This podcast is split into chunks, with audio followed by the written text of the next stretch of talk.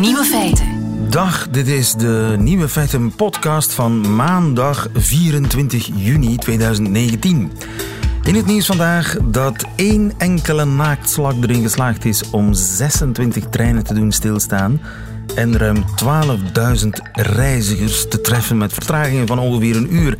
En dat in Japan nog wel, waar vertragingen van een paar seconden al een ramp zijn. Maar er was een blackout. Dagen is met man en macht gezocht naar de oorzaak daarvan. De boosdoener bleek een slak te zijn die erin geslaagd was om zich door een minuscuul gaatje te wurmen in een schakelkast en daar een kortsluiting te veroorzaken. Slakkendeskundigen bevestigen dat naaktslakken hun lichaam zo kunnen samenpersen dat ze in verrassend smalle spleten en gaatjes passen. U bent gewaarschuwd. Andere nieuwe feiten vandaag. De kleren van de toekomst moet u nauwelijks meer wassen. Victor Hugo krijgt doodsbedreigingen op Twitter van studenten in Frankrijk die te moeilijke vragen over hem kregen voor de roemruchte bak. 72% van de verloren portefeuilles met 100 euro in worden teruggebracht. Met 100 euro in. En vissers dragen tegenwoordig camouflagekleren. Jean Bluiten hoort u in het middagjournaal. Veel plezier. Nieuwe Een roze droom in uw oren, zo klinkt het wellicht kleren die u nooit moet wassen. Dat is makkelijk, dat is ecologisch en dat is binnenkort naar het schijnt gewoon realiteit. Liva van Langenhoven, goedemiddag. Goedemiddag. Liva, jij bent textieldeskundige aan de Universiteit van Gent. Ze bestaan naar het schijnt al t-shirts die je een week lang kunt dragen en puls die je honderd dagen kunt dragen zonder te wassen. Van welke stof zijn die gemaakt? Eh, goh, dat, die zijn gemaakt van natuurlijke polymeren, eh, cellulose, ehm, zoals katoen en vlas. En eh, dan proteïnes zoals wol. Dus dat is een mengeling van van alles. Dat kunnen mengelingen zijn, dat kunnen ook pure vezels zijn. Bamboe bijvoorbeeld, die wordt gemaakt uit cellulose die gewonnen is uit bamboe. Ehm, dat zijn dan pure vezels, maar eh, sommige vezels worden ook bijgemengd bij, bij katoen of wol. En welke eigenschappen hebben die stoffen dan waardoor ik ze niet meer hoef te wassen? Ja, dat u ze niet meer hoeft te wassen is natuurlijk een beetje kort door de bocht, maar eh, net zoals alle natuurlijke stoffen, dus ook katoen en wol, moeten minder vaak gewassen worden dan hun synthetische tegenhangers, zowel, eh, zoals polyester of polyamide. Ehm, dus in die zin hebben ze vergelijkbare eigenschappen, maar door het feit dat ze dan vaak toch eh, voor een stukje synthetisch ook geproduceerd worden, ehm, worden er soms stoffen aan toegevoegd om, die, ehm, om te vermijden dat er bacteriën gaan groeien op de stof. Want het zijn uiteindelijk de bacteriën die de zweetgeur zullen eh, veroorzaken. En door die toevoeging zal men dan nog een bijkomend effect krijgen. Ah ja, naar, dus eh, men minder voegt iets aan die stoffen toe, waardoor er geen bacteriën op kunnen groeien. En het zijn precies die bacteriën die mijn t-shirt, mijn hemdje doen stinken. ja, het zijn absolute bacteriën die, eh, die het doen stinken. Ja. En nooit meer wassen is eh, een groot woord. Laten we zeggen, veel minder wassen. Ik kan, ik kan een trui een week dragen zonder dat die begint te stinken. Eh, ja, truien gaat u sowieso wel langer dragen, omdat daar meestal iets onder gedragen wordt. Dus dat Ja, ja, maar een t-shirt bijvoorbeeld, dat, dat kan een week mee zonder dat, ik het, eh, zonder dat het eh, begint te stinken. Maar het zal een beetje van de omstandigheden afhangen. En het is ook ehm, En van mijn zweet. afhankelijk van persoon tot persoon. Iedereen heeft een beetje een andere huidflora. Dus sommige mensen hebben sowieso al sneller last van zweetgeuren van- Ja, ja. dan anderen. Normale mensen kunnen een week, eh, voor zover dat bestaat natuurlijk, normale mensen kunnen een week hetzelfde hemdje dragen zonder dat het begint te stinken. Nu, die stoffen, ziet dat er heel kunstmatig uit? Ziet dat er anders uit? Eh, het hangt een beetje van de stof af, maar eh, voor de meeste stoffen zult u niet kunnen zien ehm, dat het kunstmatig gemaakt is. En eh, misschien zult u het voelen, maar dat hoeft dan nog niet eens negatief te zijn. Bamboevezels? Ja, bamboevezels. Die, die, die, die voelen veel aangenamer aan dan, dan pakweg een standaard katoen. Ja, ja. Dus dat is wel een opsteker voor het klimaat en voor het milieu. Want als je je wasmachine veel minder moet laten draaien, dat is top natuurlijk. Hè? Dat is heel goed ecologisch. Ja, dat is uh, zeker ecologisch, maar twee bemerkingen daar toch wel bij. Dat is ten eerste dat de, mensen, de meeste mensen wachten toch niet echt om hun textiel te, wachten, te wassen tot het echt gaat uh, ruiken. Uh, en ten tweede is de productie van sommige van die vezels toch ook niet altijd even milieuvriendelijk. Aha. Dus wat je wint bij het minder wassen, verlies je bij het productieproces eventueel. Dat, dat is mogelijk, ja. Dat is mogelijk, maar dat is misschien iets wat in de toekomst kan opgelost worden. Eh, is, is dat de toekomst? Kleren die minder snel moeten gewassen worden? Gaan we daar sowieso naartoe? Um, dat is heel moeilijk te voorspellen. Eigenlijk, uh, als je kijkt wat er gebeurt, is dat mensen hun kleren alsmaar vaker beginnen wassen, uh, maar aan een lichter programma, zoals men trouwens in de Verenigde Staten al jaren doet. Daar wordt alles gewoon dagelijks gewassen met, met een heel licht programma. En misschien... Dus in die zin mag het textiel dan misschien wel, het mag langer duren voordat het begint te ruiken, maar ja, mensen wassen het gewoon dagelijks of om de twee dagen. Gewoon omdat dat zo hoort, denken ze. Uit gewoonte, ja. Uit gewoonte. Maar dat is niet wat we moeten willen. Uh, dus het zou wel eens kunnen dat er stoffen op de markt komen en heel gewoon worden, die, uh, die minder snel gewassen moeten worden. En dat is toch goed nieuws. Dankjewel, Liva van Langenhoven. Goedemiddag. Graag gedaan. Nieuwe feiten. Coucou de France. Met Alex Visorek. Niet eens een warme, maar een bloedhete coucou de France krijgen we vandaag. Omdat het maandag is van mijn landgenoot en radiocollega bij eh, Radio France in Parijs, Alex Visorek. Goedemiddag. Ja, goedemiddag. Zeker, lieven. C'est la canicule in la Frankrijk. canicule. Hier zijn we dan in de laatste week van het schooljaar. En voor alle Franse studenten die in het zesde middelbaar zitten, betekent dat het einde van één van de belangrijkste en dus één van de meest gevreesde examen in het Franse onderwijs, le bac. Le bac. Le bac. Wat is le bac? Baccalauréat. Dat is iets typisch Frans. Het is een nationaal examen aan het einde van le lycée. Elk jaar sinds Napoleon Bonaparte krijgen alle 18-jarigen hetzelfde examen op hetzelfde moment. Het is de grote test. De grote test. Als ze het slagen, krijgen ze een diploma en kunnen ze trots vertellen: j'ai le bac. En dat is heel belangrijk, d'avoir le bac, want daarmee kun je naar de universiteit of hogeschool gaan. Dus bepalen uh, 750.000 studenten hun toekomst tijdens deze derde week van juni. Dat gaat gepaard met veel stress en met veel reporters live in de klaslokalen. Certains sont stressés, d'autres plus euh, détendus. En tout cas ici, hein, le compte à rebours est lancé plus que quelques instants avant que les sujets arrivent. Vous voyez, on est dans l'attente hein, pour l'instant. Wauw, spannend. Ja, ja, spannend. Studenten worden ook geïnterviewd alsof ze sporters waren. Regardez ici, euh, cette personne a tout prévu. Hein. Regardez, et il y a euh, les barres euh, de les barres de céréales hein, pour garder de l'énergie. Comment on se sent avant cette épreuve Ja, ze komen met gewapend met alle mogelijke munitie als daar zijn granenrepen. ja, chocolade en snoepjes. Uh, dit soort interview bestond al in de jaren 70 en toen mochten studenten ook roken tijdens het examen filosofie. Soms. Pas le droit de fumer, pas le droit de. Enfin.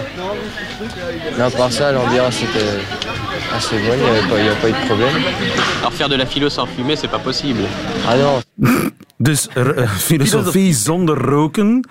En ik denk dat er in die sigaret wel iets moet zitten, kennelijk. Uh, dat is onmogelijk. Ja. Dan is Serge Gainsbourg de grootste Franse filosoof. dus elk vak krijgt een apart examen en het start altijd de eerste dag met het vak filosofie.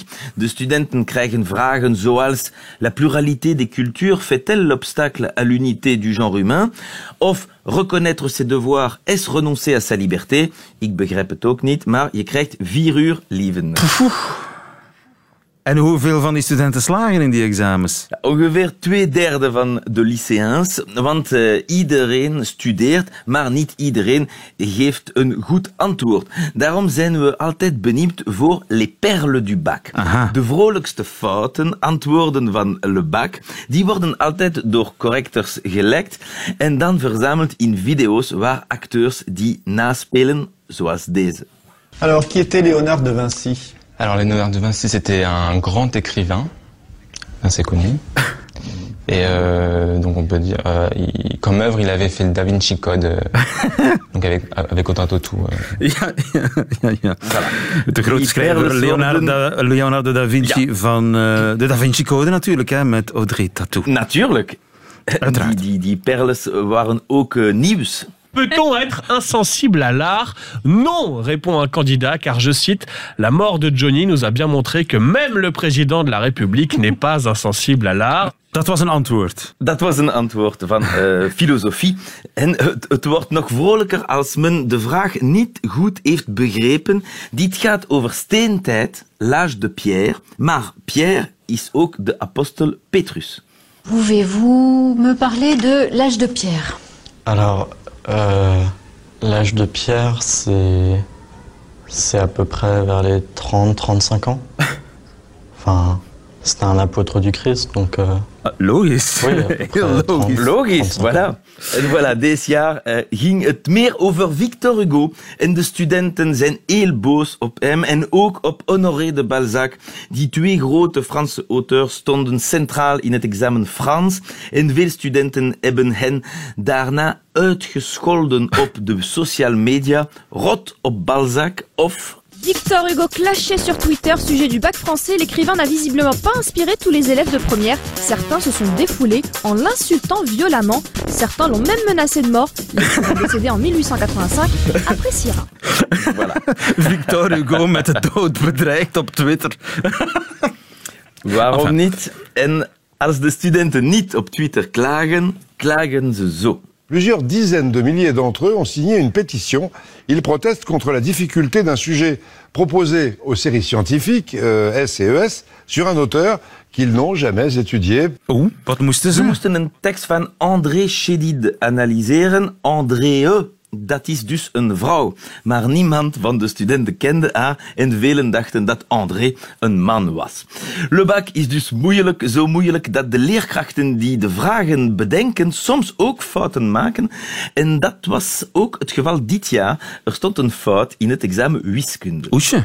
L'erreur, c'était qu'ils disent la matrice d'adjacence et c'était la matrice de, de transition qui n'a donc aucun rapport. Et on nous a dit 30 minutes avant la fin que bah, c'était pas ça. Donc on était tous un peu perturbés. Oh, pft, eh, Ja, ook, ook, ook jij, Leven, had het direct begrepen. Absoluut. La matrice de transition, dat is niet hetzelfde dan la matrice d'adjacence. dat is volledig iets anders. Volledig, ja, inderdaad. Voilà. Le bac eindigt vandaag.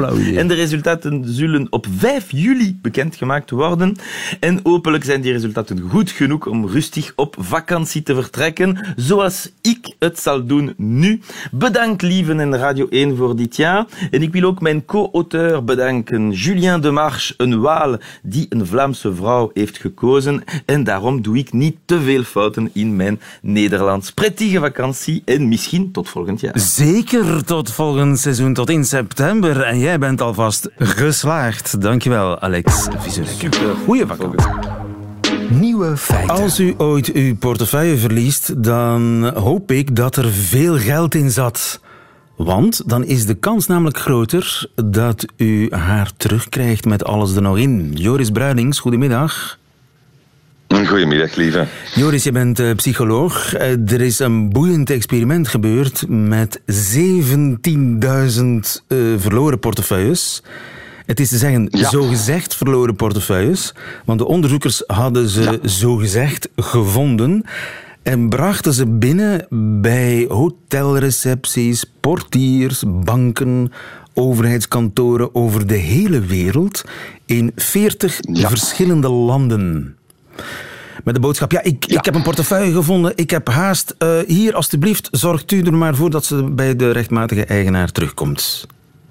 Dat was eigenlijk het experiment. Hè? Wat zat daar in die Dat was portefeuille? het experiment. Wel, in die portefeuilles hadden ze een aantal dingen gestoken. Um, in elke portefeuille stak een uh, boodschappenlijstje bijvoorbeeld, om het wat persoonlijk te maken. Um, er stak een sleutel in, uh, dat maakt het ook weer persoonlijk. Uh, er stak een visitekaartje van de eigenaar in, zodat ze eigenlijk gemakkelijk contact konden maken met de eigenaar. Um, en in de helft van de portefeuilles stak geen geld en in de andere helft initieel stak een klein bedrag. En later hebben ze ook nog een derde groep gecreëerd met een groot bedrag. Ja, ja. En hoeveel portefeuilles zijn teruggekeerd naar de onderzoekers? En wel, dat hangt er een beetje vanaf uh, wat dat erin stak. En um, in uw lijstje waar dat ze de portefeuilles uh, afgaven, um, stak ook nog de politie. Hè? Dus uh, banken, culturele centra, et cetera, maar ook politiekantoren. En als er geen geld in zat over de 40 landen waar dat ze het hebben gedaan, dan werd 40% terugbezorgd. Maar als er een beetje geld in zat, ongeveer een 12 euro was dat al 51. Zat er 100 euro in, dan steeg het naar 72 procent. Dus een lege portefeuille in de betekenis van zonder geld. 40 procent gaat terug naar de eigenaar. Een portefeuille met 100 euro ja. erin. 72 procent, dus bijna dubbel zoveel. Ja, ja, dat is, ja, ja, dat is spectaculair. Hè. Um, maar, maar dus ook de, politie, ook de politie doet daaraan mee, eigenlijk. Want je zei dat, dat de portefeuilles um, ook bij politiekantoren werden afgeleverd. Ja, er is eigenlijk de, een, een, kleine uh, opmerkelijke anekdote van heel dit experiment. De portefeuille van, uh, die is afgeleverd aan het Vaticaan, um, wat toch heel vrome mensen zouden moeten zijn, is niet terugbezorgd. en ook twee anti-corruptiekorpsen van de politie hebben hem niet terugbezorgd. Jeetje. Ja, dat, dat stemt mij een beetje sprakeloos, maar dat is dan weer een, uh, een andere historie. Ik wil even terug naar dat hoe minder geld erin, hoe kleiner de kans dat ze terechtkomt. Hoe, hoe, hoe kan dat? Ja, dus als er geen geld in zit en ook geen sleutel bijvoorbeeld, want dat hebben ze ook even getest, um, dan wordt dat allemaal nogal onpersoonlijk. Dan hebben de mensen niet het gevoel van ik doe hier iets fout, want dit heeft geen waarde buiten misschien een versleten portefeuille.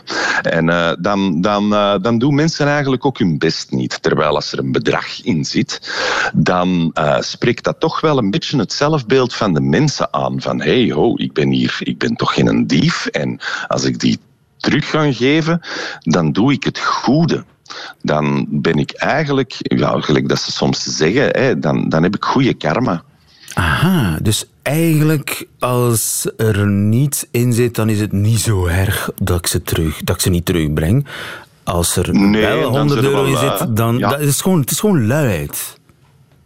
Ja, het is zowel foutisme, ja, het is niet zo belangrijk. Terwijl met 100 euro en een sleutel en, en, en, en van die dingen, uh, dan, dan, dan is dat zelfbeeld belangrijk. En ook nog wel wat altruïsme. Zo, van, van, ik ben eigenlijk heel blij met dit onderzoek, want uiteindelijk blijkt toch dat er 72% van alle mensen op deze planeet, dus het is niet enkel in Europa gedaan, uh, maar over heel de wereld, dat 72% van de mensen toch nog wel een altruïstische kaart kunnen boventrekken. Van ik doe iets goed voor een ander. Ja, want ze hadden net zo goed die 100 euro op zak kunnen steken.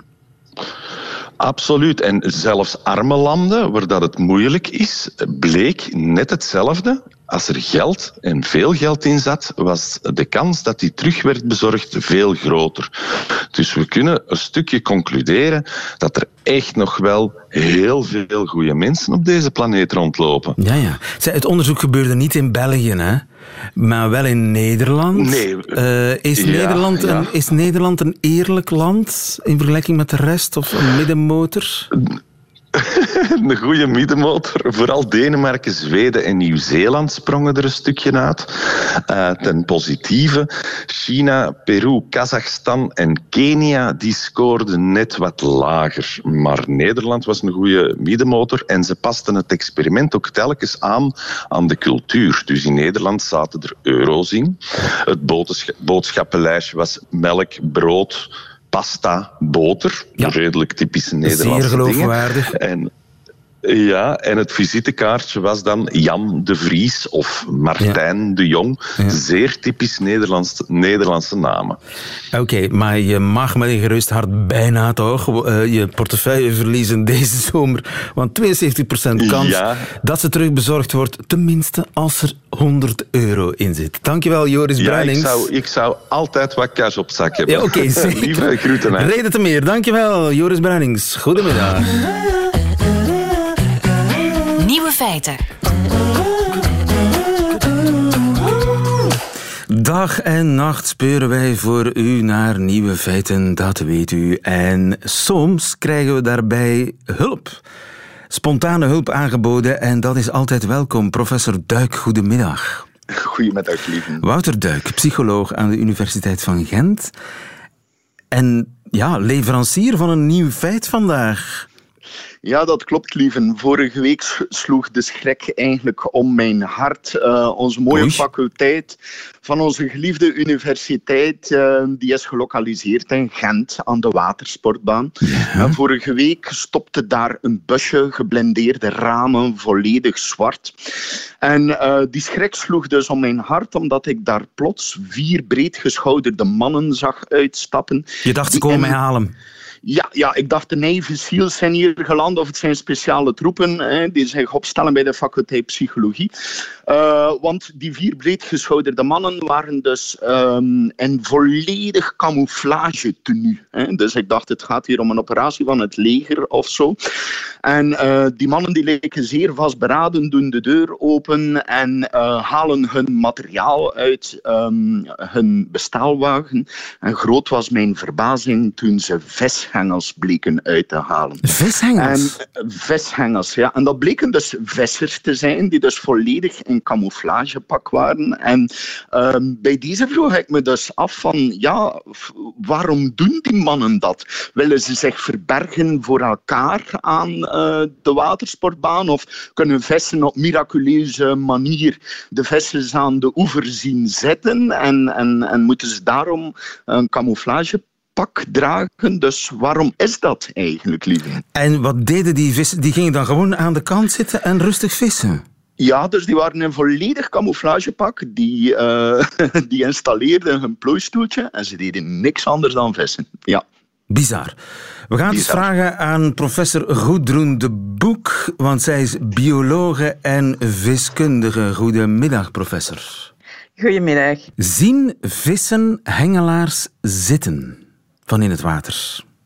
Ja, dat kunnen ze inderdaad zien. Eh, de meeste vissen die dicht aan de oppervlakte leven, zoals in onze rivieren, die kunnen ook goed kleuren zien.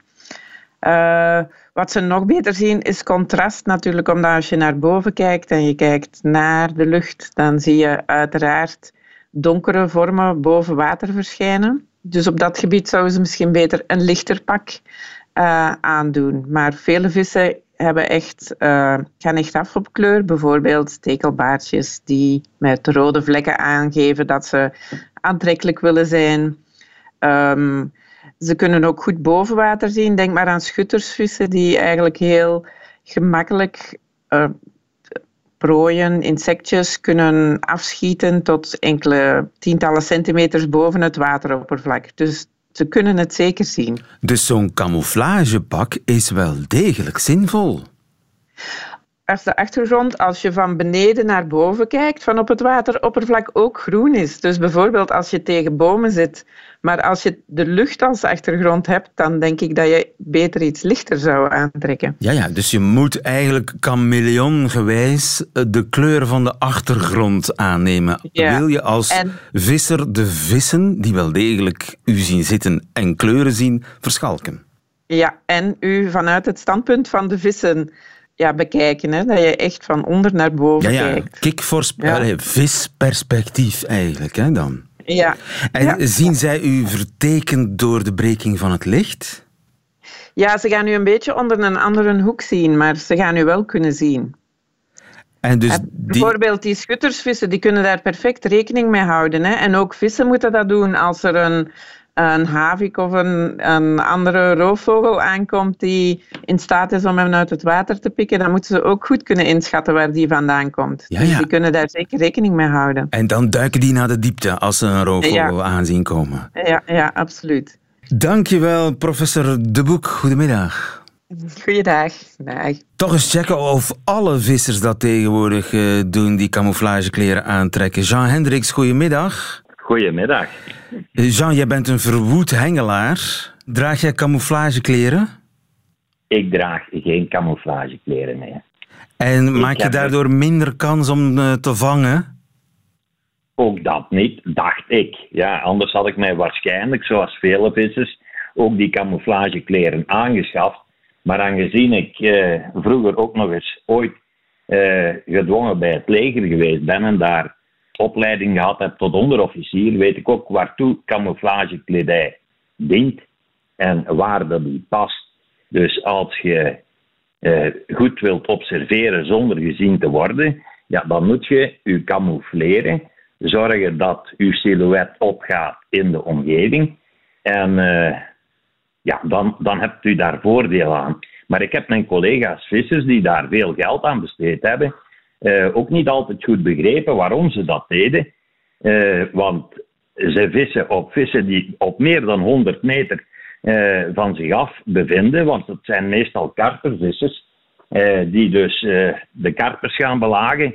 Maar die karpers die zitten diep in het water en ver van hen af en niet aan de, aan de boord waar dat, eh, de visser paradeert in zijn camouflagekledij. Dus denk, die vislijn die gaat zo ver het water in dat die vissers onmogelijk jou aan de kant zien zitten. Zo is dat. Dus eh, vroeger, de karpervissers die hebben speciale werptechnieken. En met die werptechniek geraakt men gemakkelijk tussen de 50 en de 100 meter ver. Maar ondertussen hebben we ook nog eh, dingen geëlektrificeerde bootjes. Eh, die men kan van op afstand telegeleide bootjes, is een beter woord. Eh, daarmee eh, brengt men de haak met het aas tot op de visplaats die men eerder heeft aangevoerd. En waar de visser van hoopt dat de vissen zich daar te goed doen aan het lekkere eten dat hen wordt aangeboden. En daartussen wordt de haak gepresenteerd in de hoop dat die mooie karper die bolly met hun haak opraapt en eh, dat ze die vis kunnen vangen. Dus de moderne visser die vist met een telegeleid bootje waaraan dan de hengel hangt. Nee, de haak. De haak. hengel, de, hengel, de hengel blijft op de oever. Maar men vaart met een telegeleid bootje vanaf de oever tot op de visplaats. Daar lost men haak, beaasde haak. De Ja, ja, met dus het is eigenlijk vol automatisch vissen. Ja, ja vol, dan wordt het straks helemaal, ja, want dus, eh, dan wordt de lijn onder controle gebracht en de hengel blijft op de oever. De lijn wordt onder controle gebracht en ook eh, de aanbeet wordt elektronisch verklikt. Dus de visser krijgt een signaal in zijn tent of in zijn auto of waar hij zich ook bevindt op de oever, wanneer de vis aanbijt. Ja, En, eh, dat lijkt dan- inderdaad wel op, op een eh, high-tech militaire operatie. Daar begint het zo stilaan op te gelijken, ja. Maar ik heb de indruk, als we het toch hebben over eh, die camouflagekledij, ik denk dat mijn collega's vissers die zich camoufleren, het werkelijk doen om zichzelf in de natuur te verstoppen. Want hun vijand is niet de vis uiteraard, maar hun vijand is meestal een collega-visser die graag op die plaats zou zitten waar zij veel vis vangen. Dus zij camoufleren zich voor hun concurrenten. En op dat moment is camouflagekledij misschien toch wel nuttig. Zij vertoeven daar ook heel vele uren. Dus op die manier storen ze en worden zij ook niet gestoord. Dat ze niet opgemerkt worden door nieuwsgierige andere eh, gebruikers van Ja, ja, ja, ja, want eh, andere mensen zouden kunnen... Ah, daar zitten vissers, daar moeten wij ook zijn. Daar moeten wij ook zijn. Daar is iets te beleven en ze willen niet door. En dus denk ik dat hun camouflage, kledij, maar ook hun uitrusting, hè, want men gaat er zeer ver in. Het is niet alleen de kledij, eh, het is ook hun tent, hun veldbed, hun, hun, hun hengel zelf, het schepnet, dat allemaal gaat in die camouflagekledij op. Eh, dus, eh, Dure ja, hobby op die dat- manier. En is dat eigenlijk allemaal nodig? Ja. Ik persoonlijk denk dus van niet. Ik heb daarnet al aangegeven dat ik nooit zo ver gegaan ben. Ja? Eh, maar dat, is, dat is zoals in vele sporten. Hè? Op een moment steekt daar een tendens de kop op. En de commercie weet wel altijd vissers te vangen. Of die vissers daarom meer vis vangen, dat is een ander onderwerp. Eh, maar zij laten zich verleiden om eh, grote kosten te maken.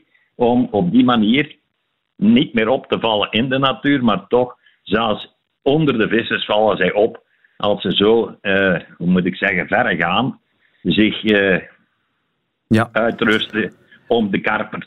Ja, een, beetje zoals wielerliefhebbers die absoluut een fiets van 2500 euro moeten hebben, maar die eigenlijk met een fiets van niet eens de helft eh, ook eh, heel goed zouden kunnen, kunnen fietsen. Ja, precies. Dus daar, daar kunnen we echt een, een, een gelijkenis vinden.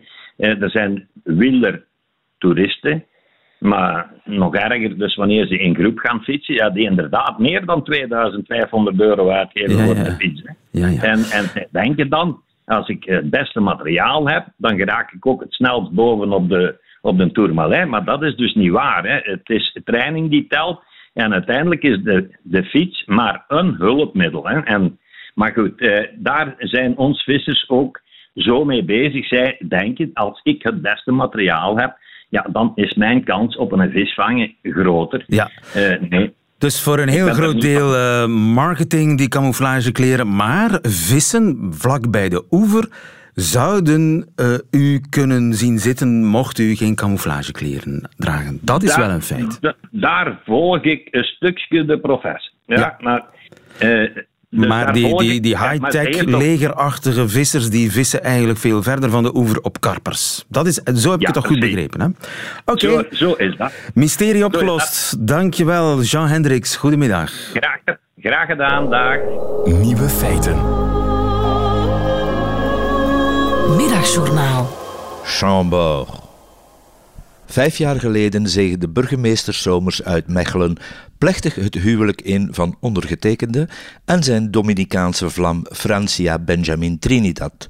Zo'n historische verbintenis gaat natuurlijk gepaard met een buitennissig Bourgondisch feest met opgevulde varkens. Hun namen maak ik hier om juridische redenen niet bekend. Automaten die wijn en bier uitspuwden, ook hier blijf ik discreet qua name-dropping. Acrobaten, potsenmakers en een Italiaanse DJ uit Limburg. Vier weken later volgde een huwelijksreis, zijnde een ouderwetse cruise per automobiel over berg en dal van het romantische oosten van Frankrijk.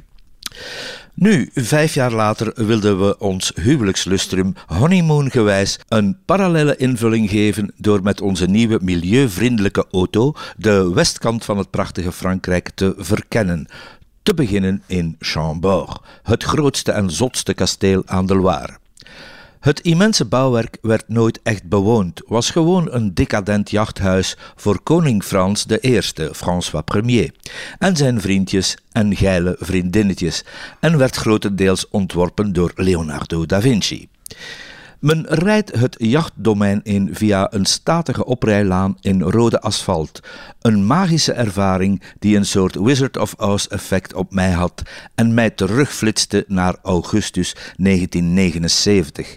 Dat jaar maakte ik met mijn geliefde stijlvolle vader en mijn vriend Urbain uit Tollenbeek een ontspannen reisje langsheen de kastelen van de Loire. Te beginnen bij Chambord. Toen wij met ons drieën de beroemde wenteltrap zouden bestijgen, dacht ik plots aan wijlen mijn grappige grootvader, die mij als kind onbedaarlijk kon doen lachen door op iedere trap naar onze slaapvertrekken een korte, krachtige scheet te laten. Mijn vader, die zich normaal nooit zou laten betrappen op zo'n vulgariteit, zei dat hij dat ook kon. Urbain en ik moesten maar wat voorop lopen en goed opletten. Dat deden we.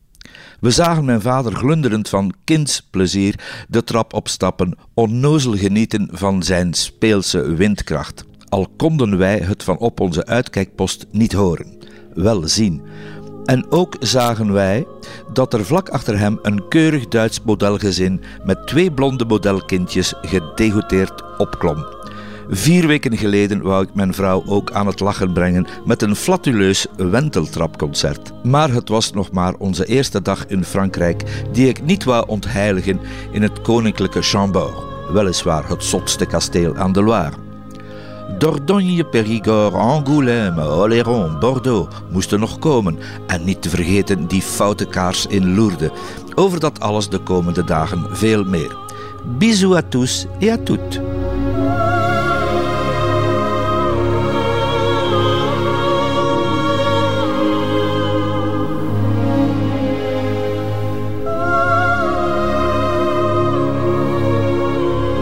Jean Bluiten bijna flatulerend op zijn tweede honeymoon in het middagjournaal. Einde van deze podcast, maar u vindt er nog veel meer op radio1.be en op de podcastkanalen. En wilt u nieuwe feiten in zijn geheel horen, dat wil zeggen met muziek erbij, dan kunt u terecht op de app van Radio 1. Tot volgende keer.